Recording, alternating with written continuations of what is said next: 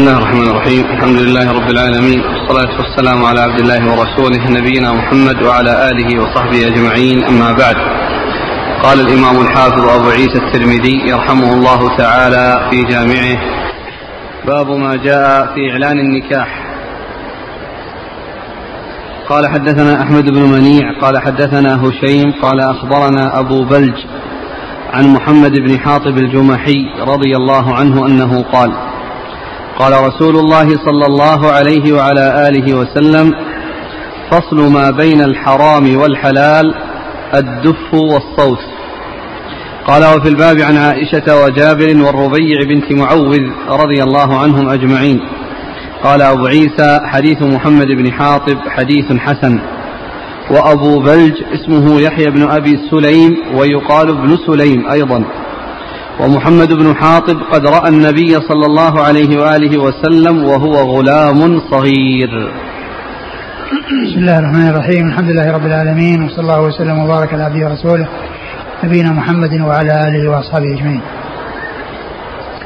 أما بعد فيقول الإمام أبو عيسى رحمه الله في جامع باب في إعلان النكاح.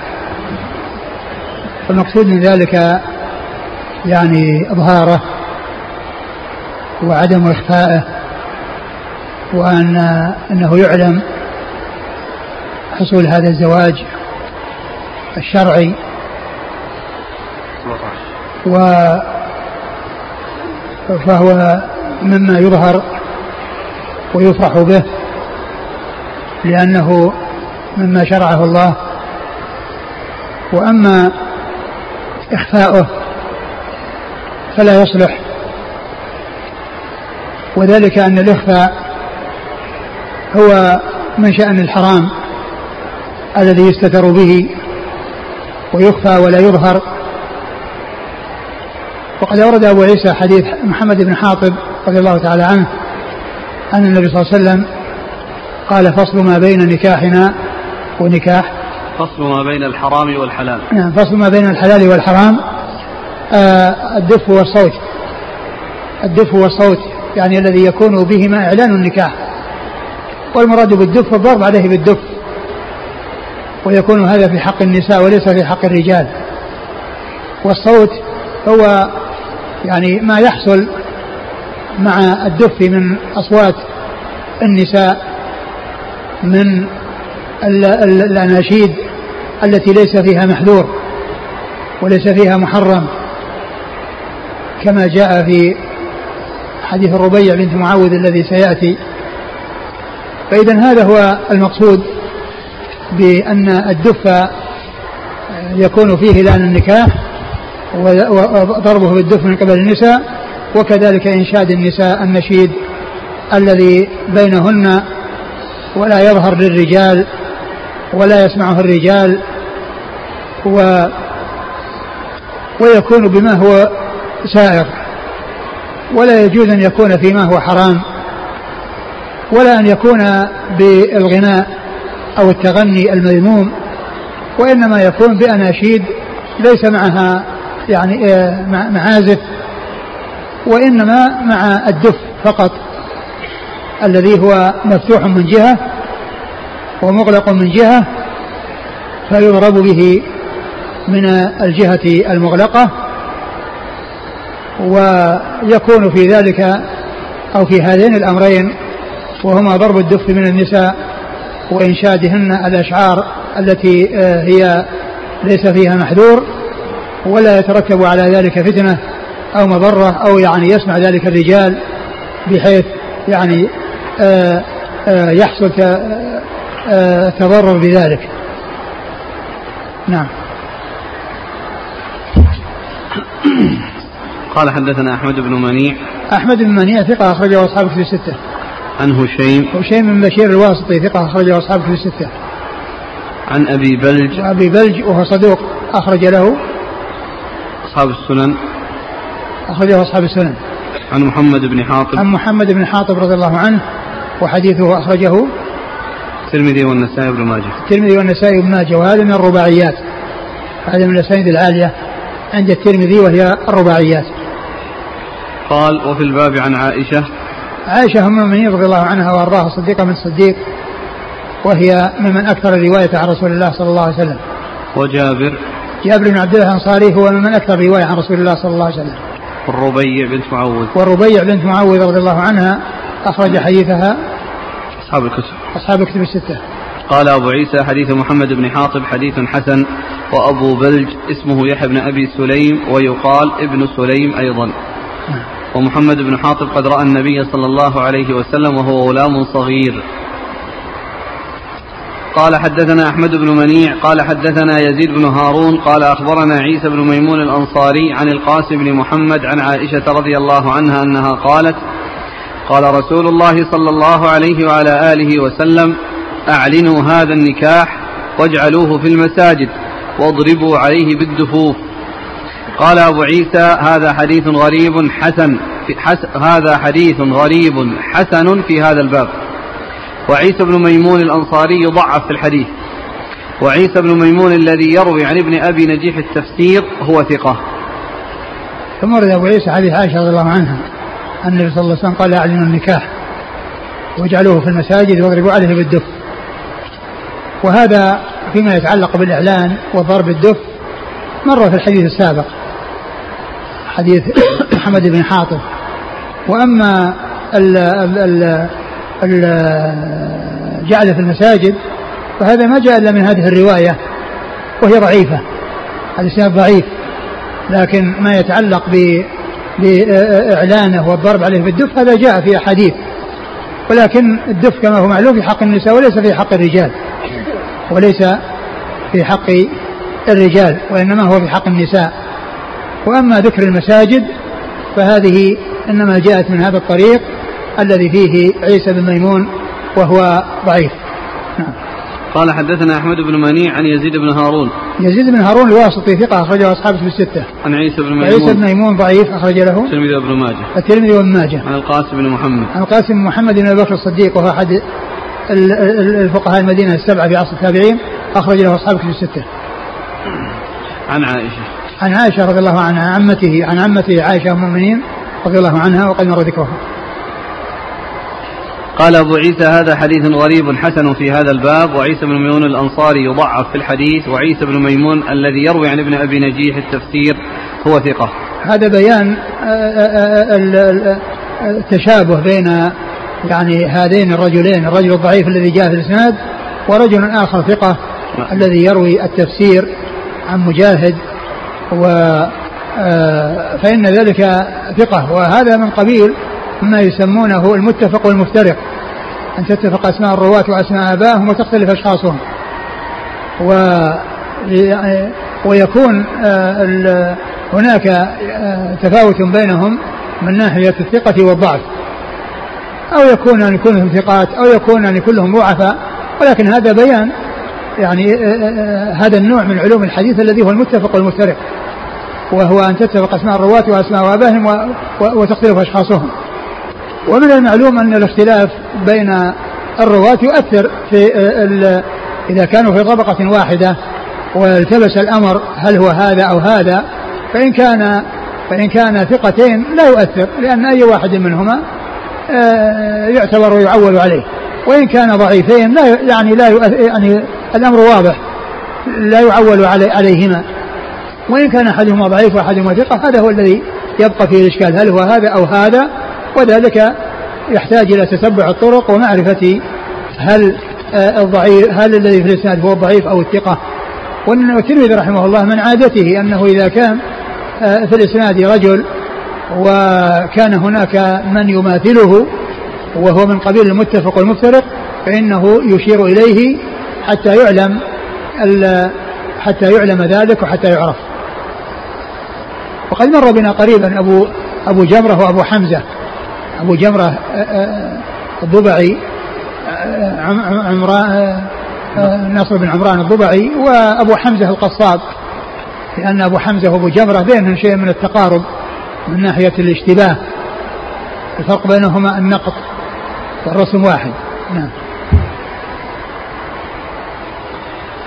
قال حدثنا حميد بن مسعدة البصري قال حدثنا بشر بن المفضل قال حدثنا خالد بن ذكوان عن الربيع بنت معوذ رضي الله عنها أنها قالت جاء رسول الله صلى الله عليه وآله وسلم فدخل علي غداة بني بي فجلس على فراشي كمجلسك مني. وجويريات لنا يضربن بدفوفهن ويندبن من قتل من آبائي يوم بدر. إلى أن قالت إحداهن وفينا نبي يعلم ما في غد فقال لها رسول الله صلى الله عليه وآله وسلم اسكتي عن هذه وقولي الذي كنت تقولين قبلها قال أبو عيسى هذا حديث حسن صحيح ثم أورد أبو عيسى حديث الربيع بنت معوذ رضي الله تعالى عنها. أن أنها لما تزوجت وبني بها وجاء النبي صلى الله عليه وسلم ودخل عليها وكان قريبا منها وكانت جويريات يضربن بالدف ويندبن وينشدن الأشعار وحتى قالت أو حتى يعني قلنا في أشعارهن وفينا رسول, رسول الله صلى الله عليه وسلم يعلم ما في غد أنكر ذلك وقال دعي هذا وقولي ما كنت ما تقولين يعني غير هذا. يعني المحذور يترك وغيره لا بأس به. وهذا المحذور هو كون النبي صلى الله عليه وسلم يعلم الغيب وإطلاق أنه يعلم الغيب. ومعلوم أن النبي صلى الله عليه وسلم لا يعلم من الغيب إلا ما أطلعه الله عليه. والغيوب كلها لا يطلع عليها إلا الله سبحانه وتعالى. هو الذي يعلم الغيب في السماوات والأرض. ولا يعلم كل الغيوب إلا هو سبحانه وتعالى. والله تعالى يطلع من شاء من خلقه على ما شاء من غيبه. ولكن لا أحد يعلم الغيب على الإطلاق. والله تعالى قد أمر نبيه أن يقول أنه لا يعلم الغيب. قل لا أقول لكم عندي خزائن الله ولا أعلم الغيب. وقال قل لا أملك لنفسي نفعا ولا ضرا إلا ما شاء الله. ولو كنت أعلم الغيب لاستكثرت من الخير. وما مسني السوء. النبي صلى الله عليه وسلم لا يعلم الغيب. على الإطلاق وإنما يعلم من الغيوب ما أطلعه الله عليه. فلما كان يعني هذا الإطلاق منها يعني فيه غلو بالنبي صلى الله عليه وسلم وأن وهو أنه يعلم ما في غد يعني على الإطلاق صار في هذا المحذور. والنبي صلى الله عليه وسلم يعلم من الغيب ما أعلمه الله إياه وما أطلعه الله عليه. والشيء الذي أخفاه عليه لا يعلمه ومن ذلك علم الساعة. فإنه لا يعلم متى تقوم الساعة عليه الصلاة والسلام. وإنما اختص الله تعالى بعلمها. و وقد حصل للنبي صلى الله عليه وسلم أمور في هذه الحياة وكان فيها أمور يعني مغيبة عنه ومع ذلك لم يكن يعلم الغيب فيها.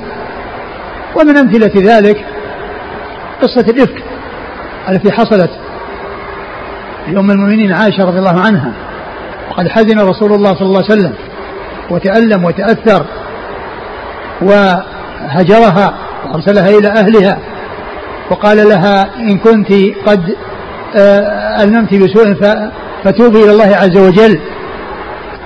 ولم يكن يعلم الحقيقة حتى أنزل الله عز وجل براءتها في آيات تتلى في سورة النور.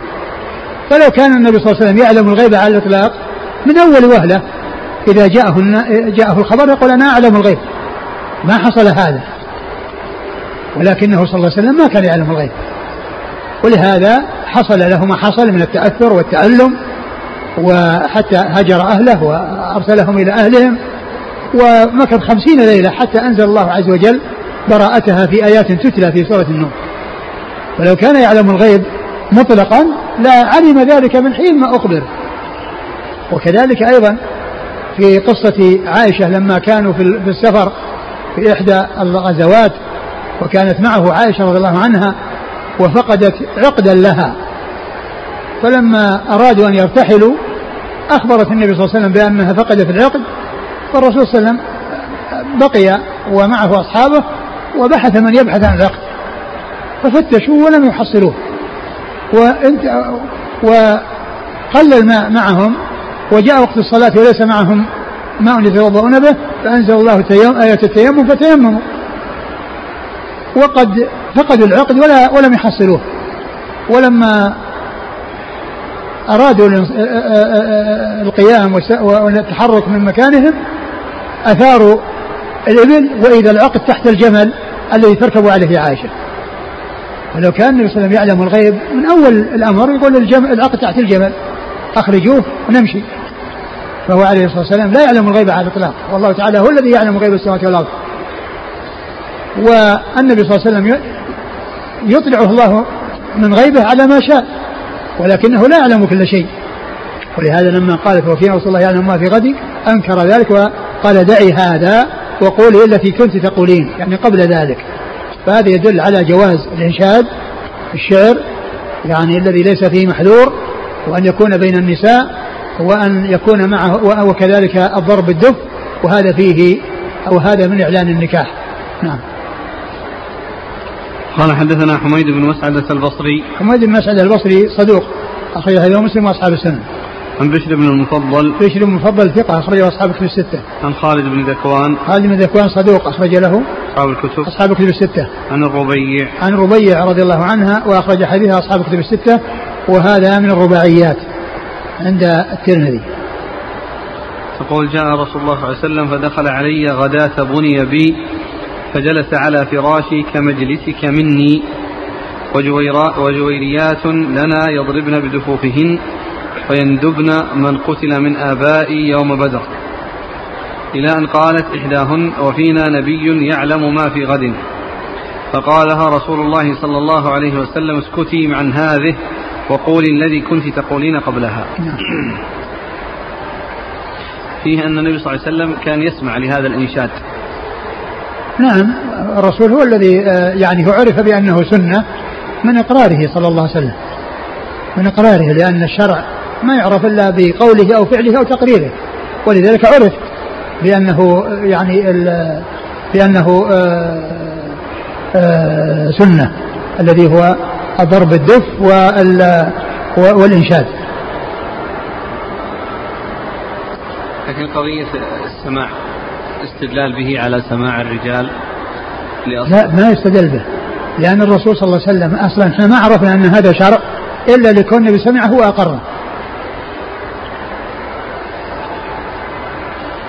آه قولها ويندبن من قتل من آبائي يوم بدر. يعني يذكرنا يذكرنا يعني مآثرهم ويعني فضائلهم في أشعار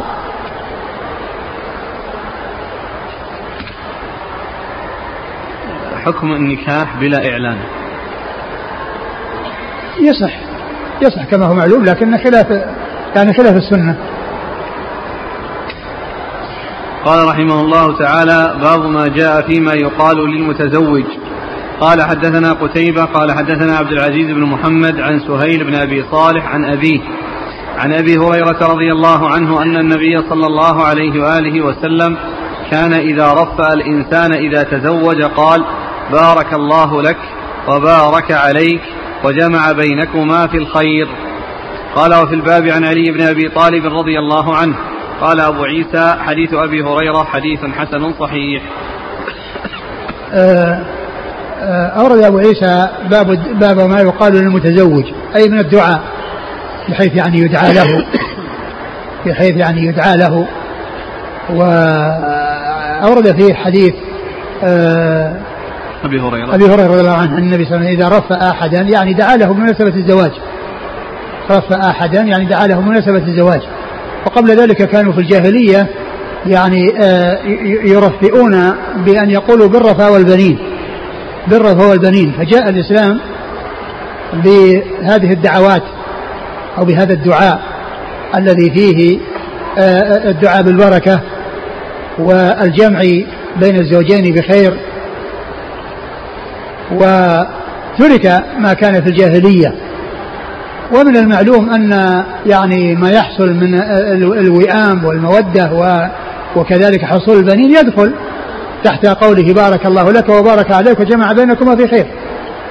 لأن كل خير يعني دنيوي وأخروي يدخل تحت هذا العموم وتحت هذا الدعاء الذي أرشد إليه الرسول الكريم عليه أفضل الصلاة وأتم التسليم.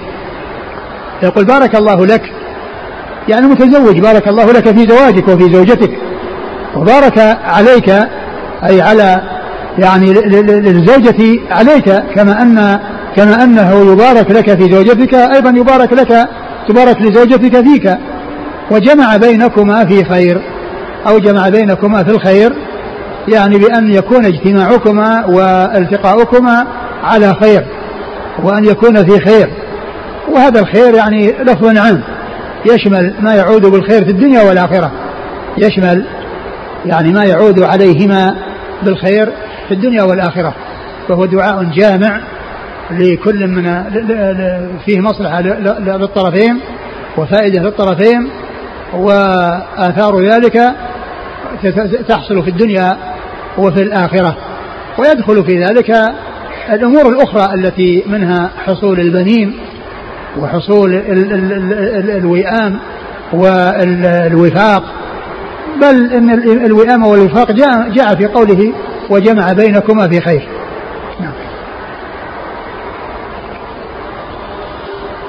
قال حدثنا قتيبة. قتيبة من سعيد ثقة أخرجه أصحاب في الستة.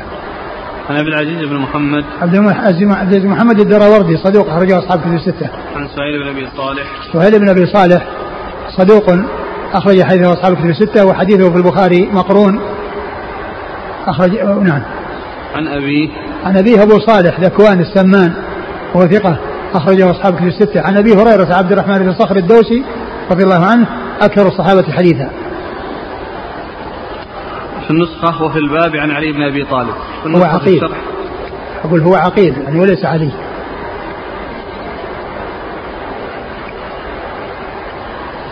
وعقيل أخرجه أصحابه في الستة. أخرجه النسائي بن ماجه. نعم. عقيل بن أبي طالب. عقيل بن أبي طالب أخرج له النسائي بن ماجه. النسائي بن ماجه. قال أبو عيسى حديث أبي هريرة حديث حسن صحيح.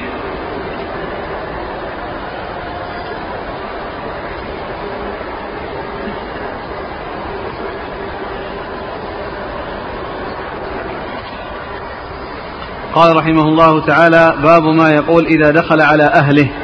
قال حدثنا ابن أبي عمر قال حدثنا سفيان بن عيينة عن منصور عن سالم بن أبي الجعد عن كريب عن ابن عباس رضي الله عنهما أنه قال قال النبي صلى الله عليه وآله وسلم لو أن أحدكم إذا أتى أهله قال بسم الله اللهم جنبنا الشيطان وجنب الشيطان ما رزقتنا فإن قضى الله بينهما ولدا لم يضره الشيطان. قال أبو عيسى هذا حديث حسن صحيح. ثم ورد أبو عيسى هذه الترجمة ما يقول إذا دخل على أهله. والمقصود من يعني ما من الحديث الذي جاء هو دخول يعني جماعة لأهله وإتيانه أهله يعني جماعة لهم. هذا هو المقصود يعني بما جاء في الترجمة. لكن الترجمة يعني ليست واضحة تماما في المقصود. بل الإنسان يعني قبل ما يسمع الحديث يفهم منها إذا دخل على أهله ماذا يقول عند دخوله على أهله. يعني حيث يدخل عليهم لأول مرة. ولكن ال- ال- الذي ساقه المصنف وأتى به هو إتيان أهله الذي هو الجماع. وقد أورد أبو عيسى رحمه الله في ذلك حديث ابن عباس.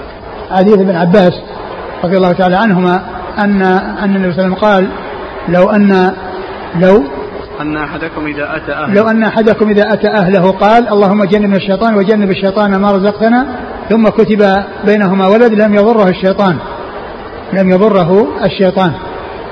فهذا فيه الدعاء عند الجماع أي قبله لكونه إذا أتى أهله أي أراد أن يأتيهم أراد أن يأتيهم لأنها المقصود إذا أتى إذا أراد أن يأتي. وهو مثل قول الله عز وجل وإذا قرأت القرآن فاستعذ بالله. يعني إذا أردت قراءة القرآن. وكذلك إذا قمت من الصلاة أي أردتم القيام إلى الصلاة. أردتم.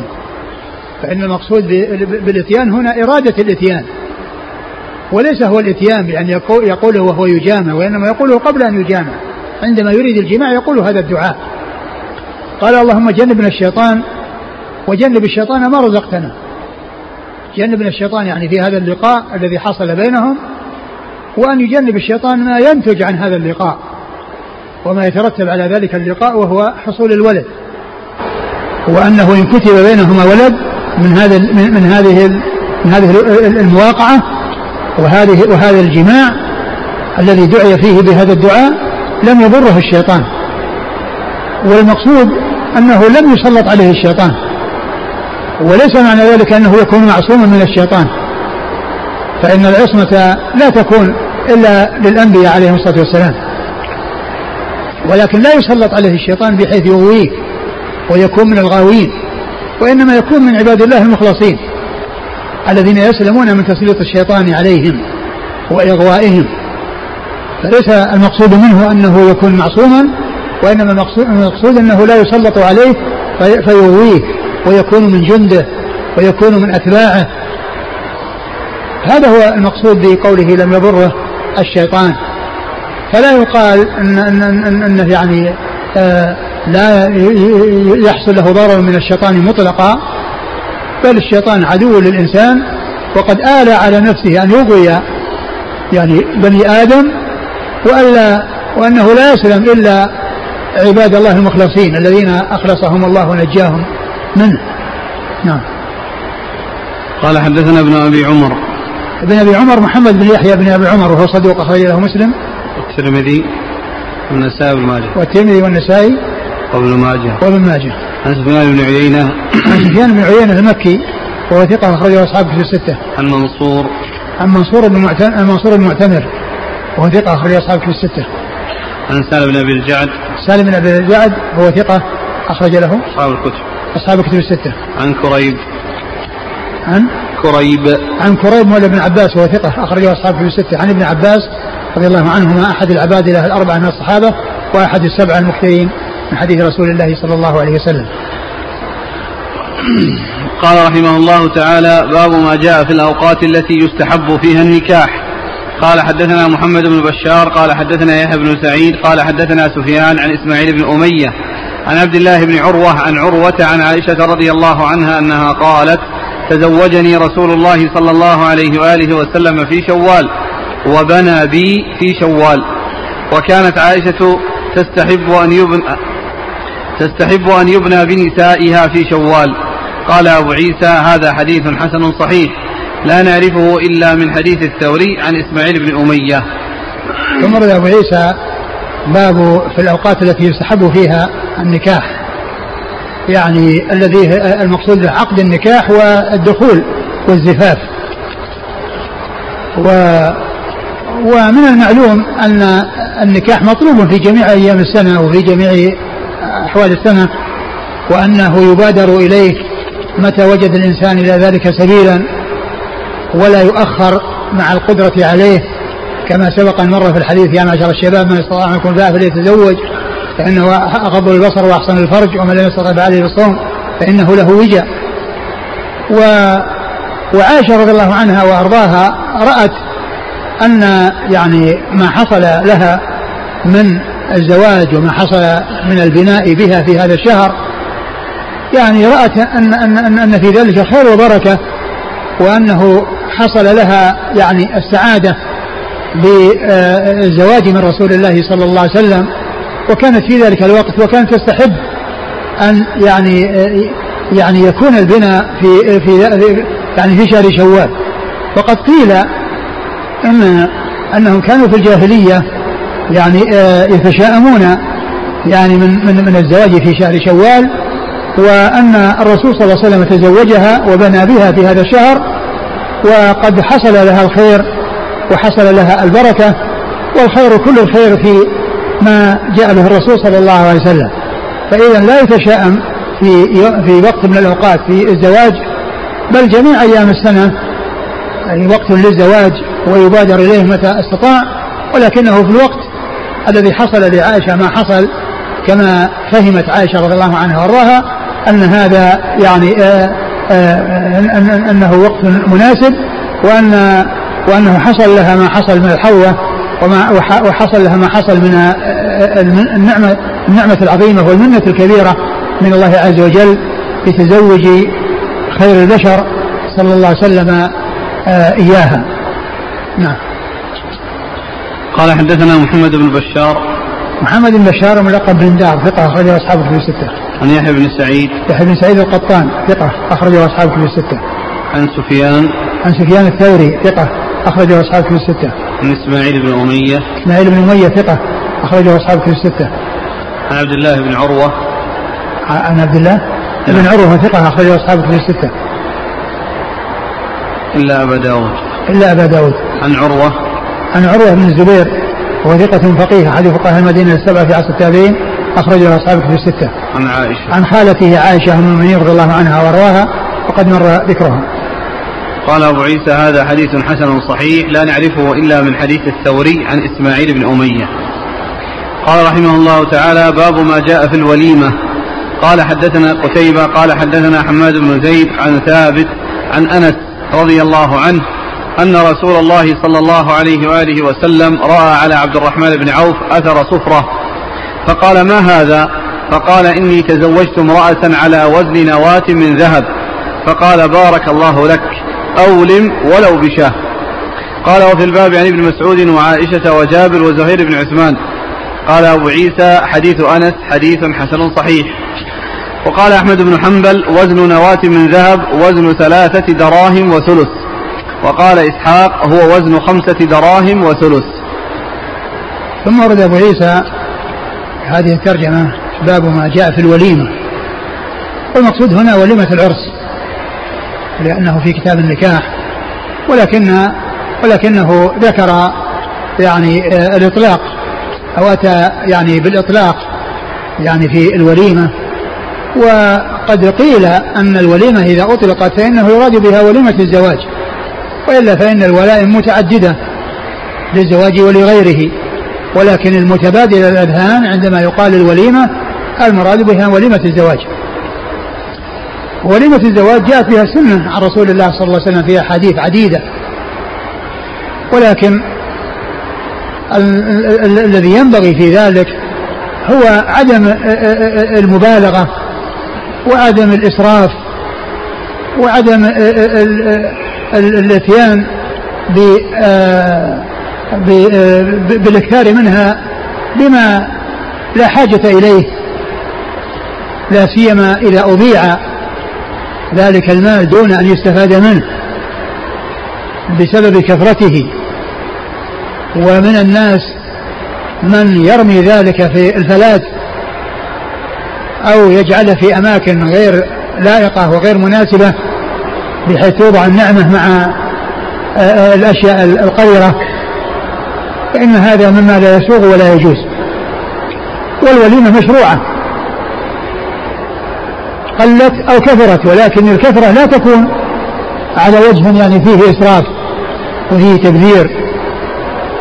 وإذا وضع الشيء فيعمل ويجتهد على إفادة الناس منه. وإذا زاد عن الناس الذين قدم لهم فإنه لا يرمى وإنما يسعى إلى إيصاله إلى من يستفيد منه.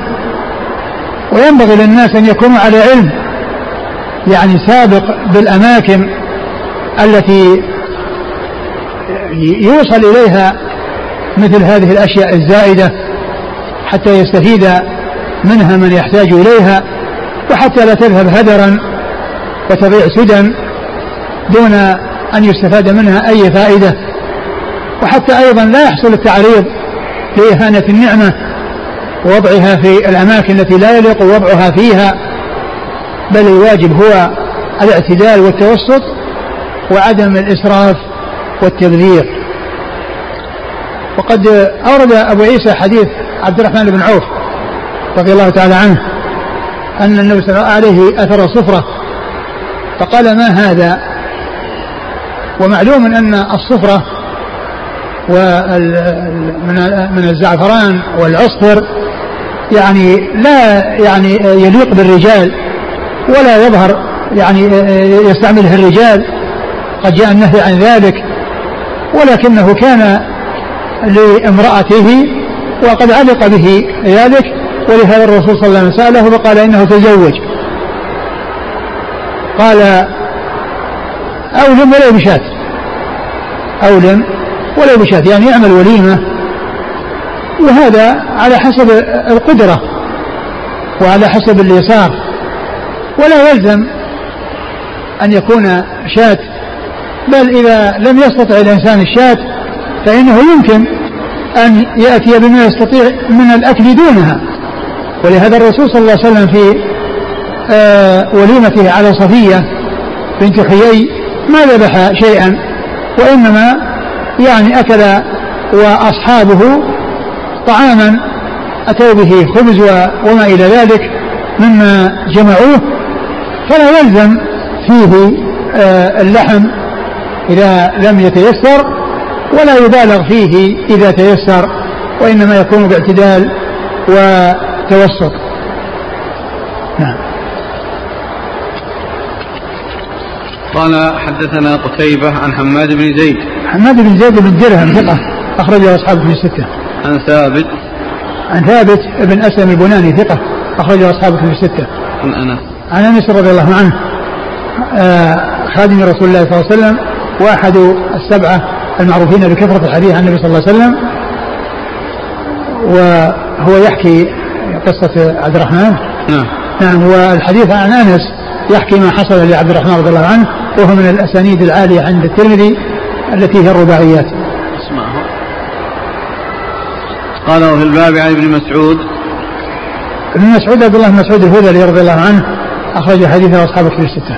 وعائشة وجابر وزهير بن عثمان. زهير بن عثمان هو أخرج حديثه. أخرج. أبو داود والنسائي. أبو داود والنسائي. قال أبو عيسى حديث أنس حديث حسن صحيح وقال أحمد بن حنبل وزن نواة من الذهب وزن ثلاثة دراهم وثلث. وقال إسحاق وزن خمسة دراهم وثلث. هذا بيان مقدار النواة وأنها مقدار هذا هذا وزنه. نعم.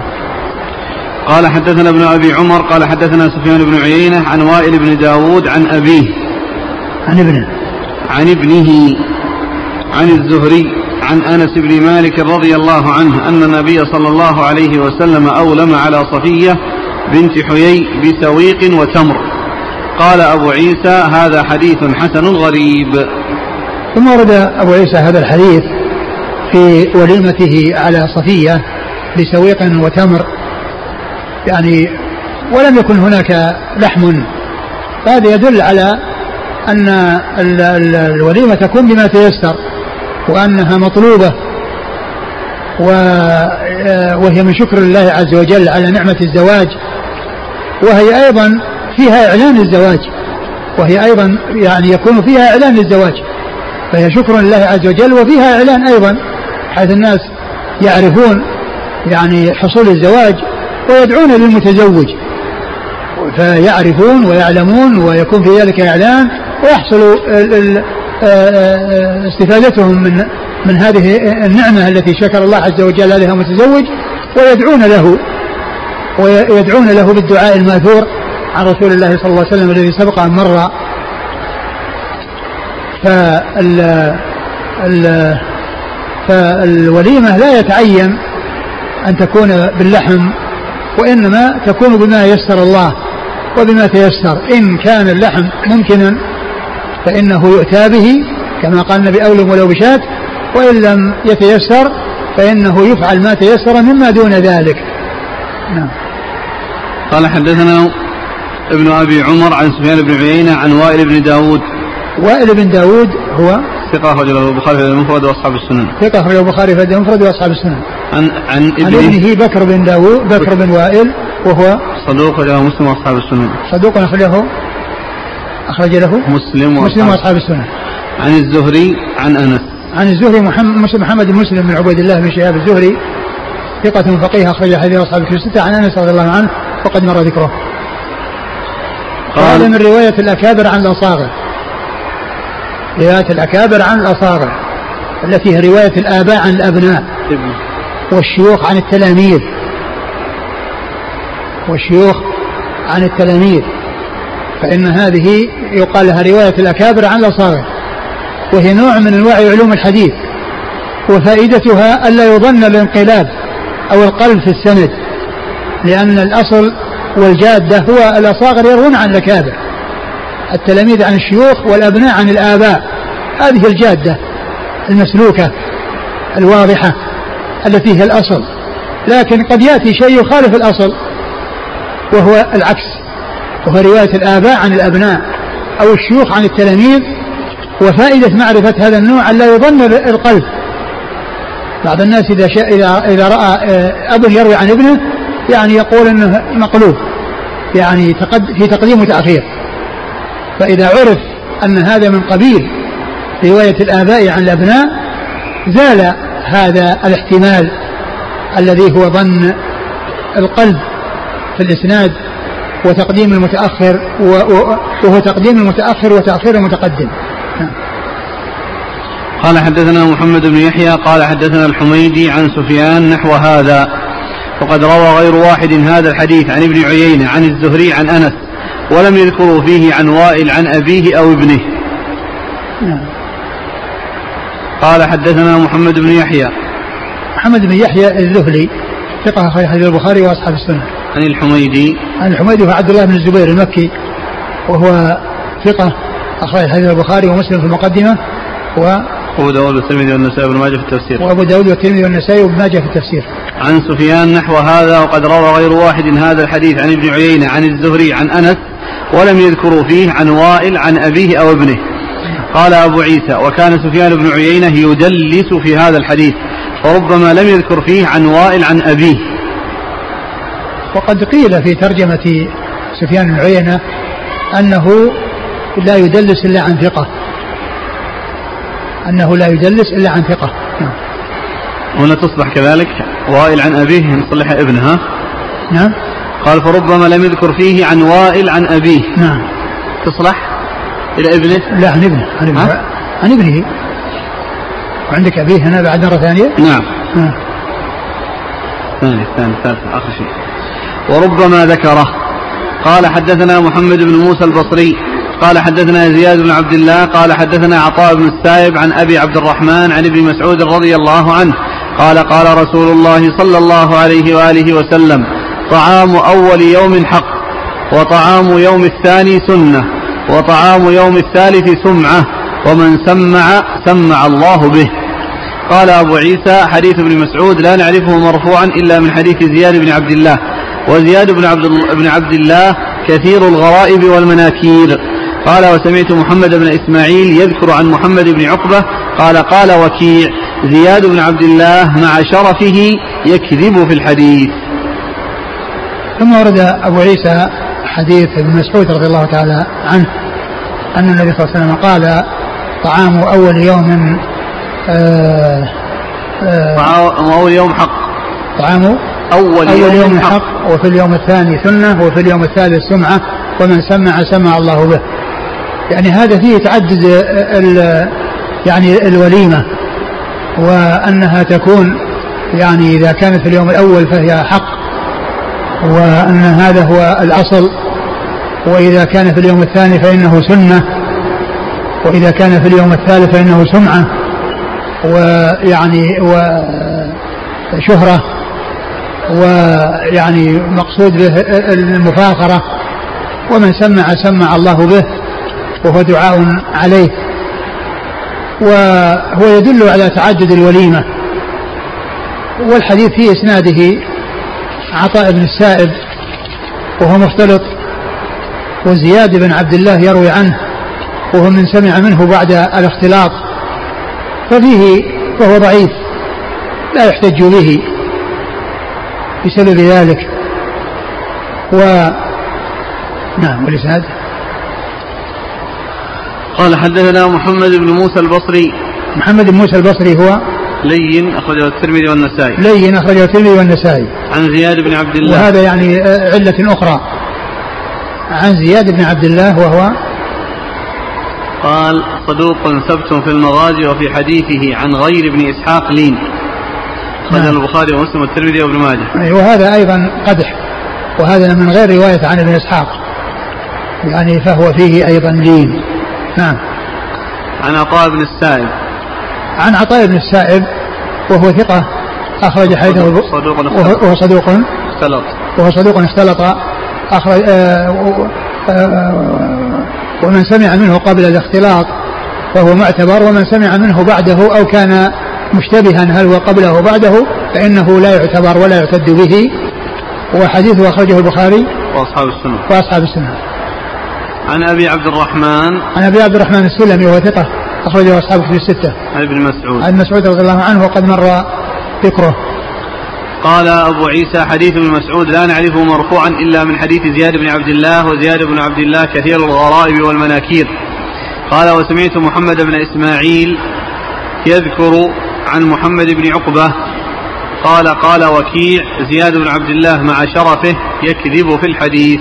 والذي موجود في تاريخ البخاري عكس هذا أنه يعني أنه أنه آه، أشرف من أن يكذب في الحديث أشرف أو كذا من أن يكذب في الحديث. و والحافظ بن حجر رحمه الله لما ذكر هذا في تهذيب التهذيب قال لعل الذي عنده في البخاري سقطت منه لا أي مع شرفه لا يكذب في الحديث أنه مع شرفه لا يكذب في الحديث حتى يكون مطابقا لما جاء عن الترمذي في كتاب التاريخ. ثم أيضا يعني ذكر الشرف وأنه يعني كذا يكذب في الحديث هذا ما لا يناسب وإنما المناسب الذي ذكر أنه أشرف يعني من أن يكذب في الحديث أن يكذب في الحديث وهذا استبعاد. ولهذا الحافظ في التقريب قال ولم ولم يصح أن وكيعا كذبه. نعم. ولم يصح أن وكيعا كذبه يعني هذه العبارة التي ذكرها الترمذي. وقد قال الحافظ بن حجر لعلها عند الترمذي ومع شرفه لا يكذب في الحديث فتكون بذلك مطابقة. مع أن العبارة يعني على هذا الصيغة يعني ما هي آه، واضحة آه، بحيث أنه يقال مع شرفه لا يكذب الحديث. مع شرفه وإنما الذي يستقيم لو قلنا لشرفه لا يكذب الحديث. هو لشرفه لا يكذب في الحديث تكون مستقيمة لكن العبارة مع شرفه لا يكذب في الحديث كان مع شرفه لا يكذب يعني العبارة يعني كأنها ما هي آه، مستقيمة تماما. وإنما تستقيم لو كانت لشرفه لا يكذب في الحديث. نعم.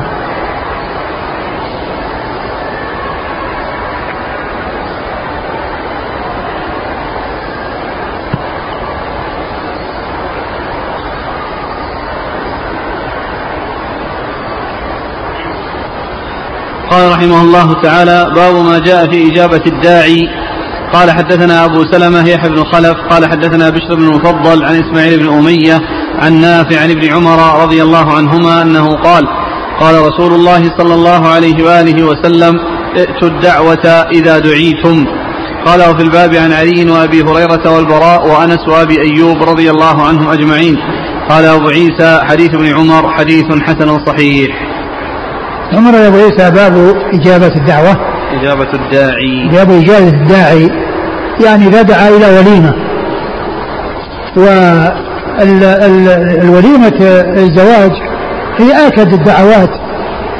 وإجابة الدعوة مطلوبة في جميع الأحوال. آه، آه، آه، حيث يعني أمكن ذلك لأن فيها الألفة وفيها إدخال السرور. على الداعي ولكن آه ذلك على حسب ظروف الإنسان وعلى حسب آه تمكن الإنسان وليس بلازم أن الإنسان كلما دعي وإذا كثرت عليه الدعوات أنه يجيب لأن ذلك قد يفوت عليه مصالح. ولكنه آه حيث أمكن ذلك آه، يدخل السرور على من دعاه. وأما وليمة العرس فهي آكد من غيرها. فهي آكد من غيرها. وذلك لأنها مناسبة جديدة مناسبة عظيمة وفيها حصول الزوجية وحصول ابتداء الأسرة الصغيرة التي تبدأ من الزوج والزوجة ثم بعد ذلك تكبر بالأولاد وأولاد الأولاد وأولاد البنات. فهي مناسبة تستحق أن الإنسان يفرح بها لأخيه ويجيب ويدعو له ويدخل السرور عليه. وقد اختلف العلماء يعني فيها فمنهم من أوجبها بل منهم من أوجب جميع الولائم والإجابة بالدعوة إليها. ولكن حيث تكون ليس هناك محاذير أو أمور تحذر في الإجابة والمشاركة بحضور هذه الوليمة. نعم. وقد أورد أبو عيسى حديث. حديث ابن عمر. حديث ابن عمر رضي الله تعالى قال إيتوا الدعوة إذا دعيتم. إيتوا الدعوة إذا دعيتم يعني أجيبوها. يعني ائتوا إليها إذا دعيتم. نعم. قال حدثنا أبو سلمة يحيى بن خلف. أبو سلمة يحيى بن خلف هو صدوق أخرجه مسلم وأبو داود والترمذي بن ماجه. صدوق أخرجه مسلم وأبو داود والترمذي بن ماجه. عن بشر بن مفضل. بشر بن مفضل ثقة أخرجه أصحاب كتب الستة. عن إسماعيل بن أمية عن نافع. إسماعيل بن أمية مر ذكره نافع هو مولى بن عمر وهو ثقة أخرجه أصحاب كتب الستة. عن ابن عمر عبد الله بن عمر رضي الله عنهما أحد العباد له الأربعة وأحد السبعة المكثرين من حديث رسول الله صلى الله عليه وسلم. قال وفي الباب عن علي. وفي الباب عن علي علي بن أبي طالب أمير المؤمنين ورابع الخلفاء الراشدين الهادي المهديين صاحب المناقب الجمة والفضائل الكثيرة وحديثه عند أصحاب الكتب الستة. وأبي هريرة والبراء. وأبو هريرة ذكره والبراء بن عازب رضي الله عنهما أخرج حديثه أصحاب الكتب الستة. وأنس وأبي أيوب. أبو أيوب الأنصاري رضي الله عنه هو خالد بن زيد أخرج حديثه أصحاب الكتب الستة. قال رحمه الله تعالى باب ما جاء في من يجيء إلى الوليمة من غير دعوة.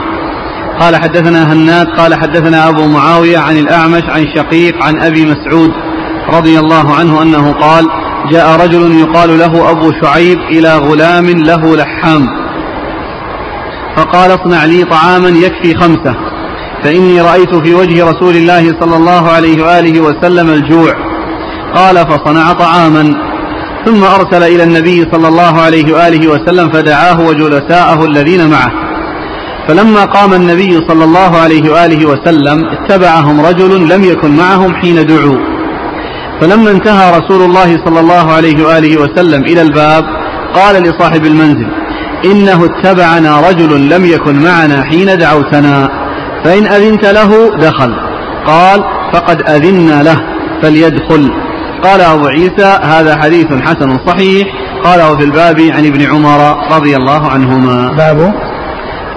في من يجيء إلى الوليمة من غير دعوة. قال الترمذي رحمه الله باب في من يجيء إلى الوليمة من غير دعوة. يعني لم يدعه صانع الطعام وصاحب الوليمة. وهذا وهذه الحال تختلف. فإذا كان يعرف من حال الداعي أنه يفرح بمجيء يعني ذلك الشخص الذي لم يدعى وأنه يسر في ذلك فله أن يأتي ويدخل السرور عليه لأنه يعلم ذلك منه. وأما إذا كان لا يعلم منه يعني هذا الشيء فإنه لا يأتي. وإذا جاء فإن هذا يتوقف على الإذن إن أذن له دخل وإلا فإنه ينصرف. وقد أورد أبو عيسى حديث ابن مسعود رضي الله تعالى عنه أن رجلا يقال له أبو شعيب كان له غلام لحام يعني جزار. فقال اصنع طعاما يكفي لخمسة فإني رأيت الجوع على وجه رسول الله صلى الله عليه وسلم وكان رآه ومعه أربعة. فقال اصنع طعاما يكفي لخمسة. فالرسول صلى الله عليه وسلم دعا هؤلاء الرسول ومعه أصحابه الذين معه ولما جاءوا وإذا لحقهم رجل فالرسول صلى الله عليه وسلم قال معنا فلان فإن أذنت له دخل وإلا رجع. فقال بل آذنوا له. فدخل. فدل هذا على أن من لم يدعى فإنه لا يأتي للدعوة. اللهم إلا إذا كان علم من الداعي أنه يفرح بذلك وجاء بهذا السبب فإن ذلك لا بأس به وإلا فإنه لا يأتي الذي لم يدعو الذي لم يدعى لا يأتي من غير دعوة. نعم. قال حدثنا هناد. هناد بن السري أبو السري ثقة أخرجه البخاري في خاطئة العباد ومسلم وأصحاب السنن. عن أبي معاوية. عن أبي معاوية محمد بن خالد بن الضرير الكوفي. ثقة أخرجه أصحاب كتب الستة. عن الأعمش. الأعمش سليمان بن مهران الكاهلي الكوفي ثقة أخرجه أصحاب كتب الستة. عن الشقيق.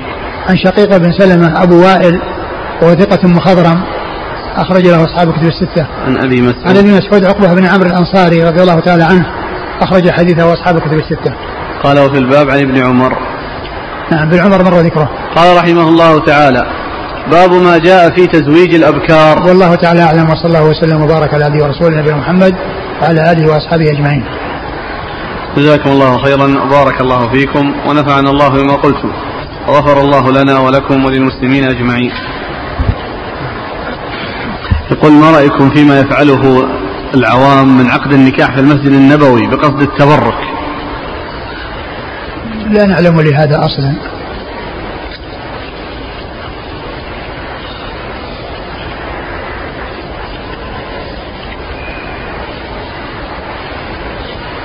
يقول آه، فضيلة الشيخ ابتلينا في هذه الأيام بإعلان النكاح بالأناشيد تسمى الأناشيد الإسلامية. فهل يمكن أن تستبدل بتشغيل منظومة كنونية القحطاني؟ ويؤديها رجل بصورة غير هذا التلحين الذي الذي يكون في الأناشيد. عقد الزواج؟ في عقد الزواج؟ إيه في أيام في إعلان النكاح في ليلة الزفاف. أقول أصلا ضرب الدف والأناشيد هي للنساء وليست للرجال. والنساء ما يصلح أن يكون عندهن مثل هذه الأناشيد اللي يسمونها الأناشيد الإسلامية التي غالبها حماسية وكذلك أيضا آه، مثل نونية القحطاني وغيرها كل هذه ما تصلح. وإنما يصلح يعني أشياء يعني حول حول الزواج وحول يعني الفرح بالزواج من الأناشيد التي ليس فيها محذور.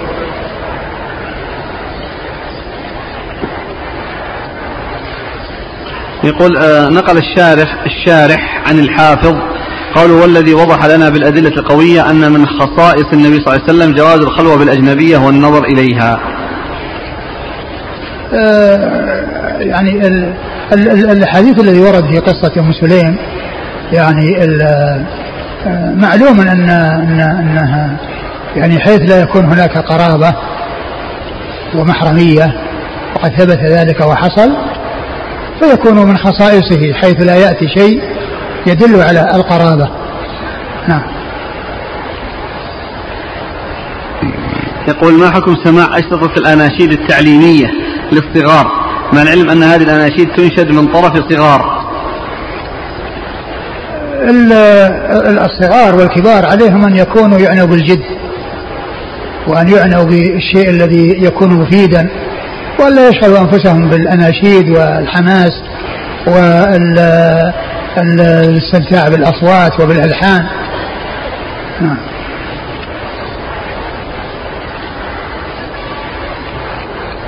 يقول هل من شرط غناء النساء أن لا يسمع الرجال صوتهن؟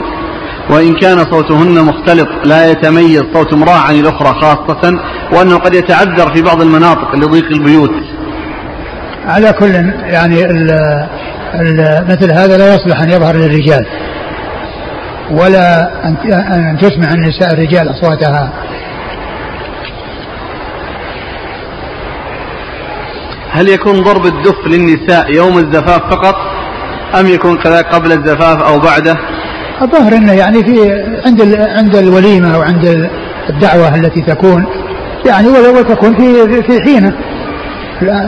أقرب شيء أن تكون في حين الزواج.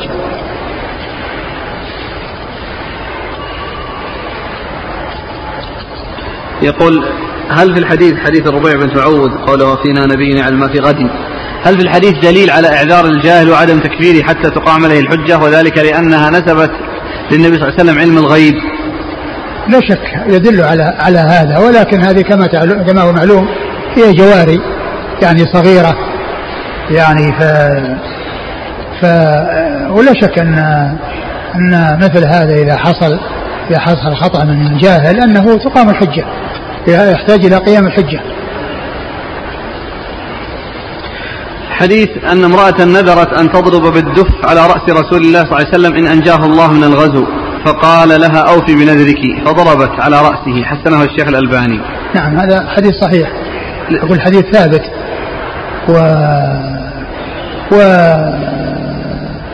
الرسول يعني حصل يعني هذا الشيء والرسول أمرها بأن بأن تفعل ذلك معه صلى الله عليه وسلم لفرحها بنجاته وبسلامته وبقدومه سليما معافى عليه الصلاة والسلام. فيستدل بهذا على سماع الضرب من المرأة لكن هذا كله كما هو معلوم هذا هذا حصل للرسول صلى الله عليه وسلم ووفاء بنذرها والرسول أقرها يعني على ذلك. لا يقال إن إن كون الرسول سمع أنه يعني يصير الناس يسمعون لأن آه، الشرع إنما يعرف بإقراره أو بقوله أو فعله. يقول كيف دخل النبي صلى الله عليه وسلم على الربيع بنت معوذ في حال زواجها هل له بها قرابة؟ ما ندري لكن قضية القرابة يعني كما هو معلوم آآ آه، آآ آه، ليست لازمة في حق الرسول صلى الله عليه وسلم كما يعني مر في ذكر أم حرام بنت ملحان التي كان يأتي عندها ويقيل عندها وتفليه تفلي رأسه. نعم. يندبن القتلى هل يدخل هذا في النياحة؟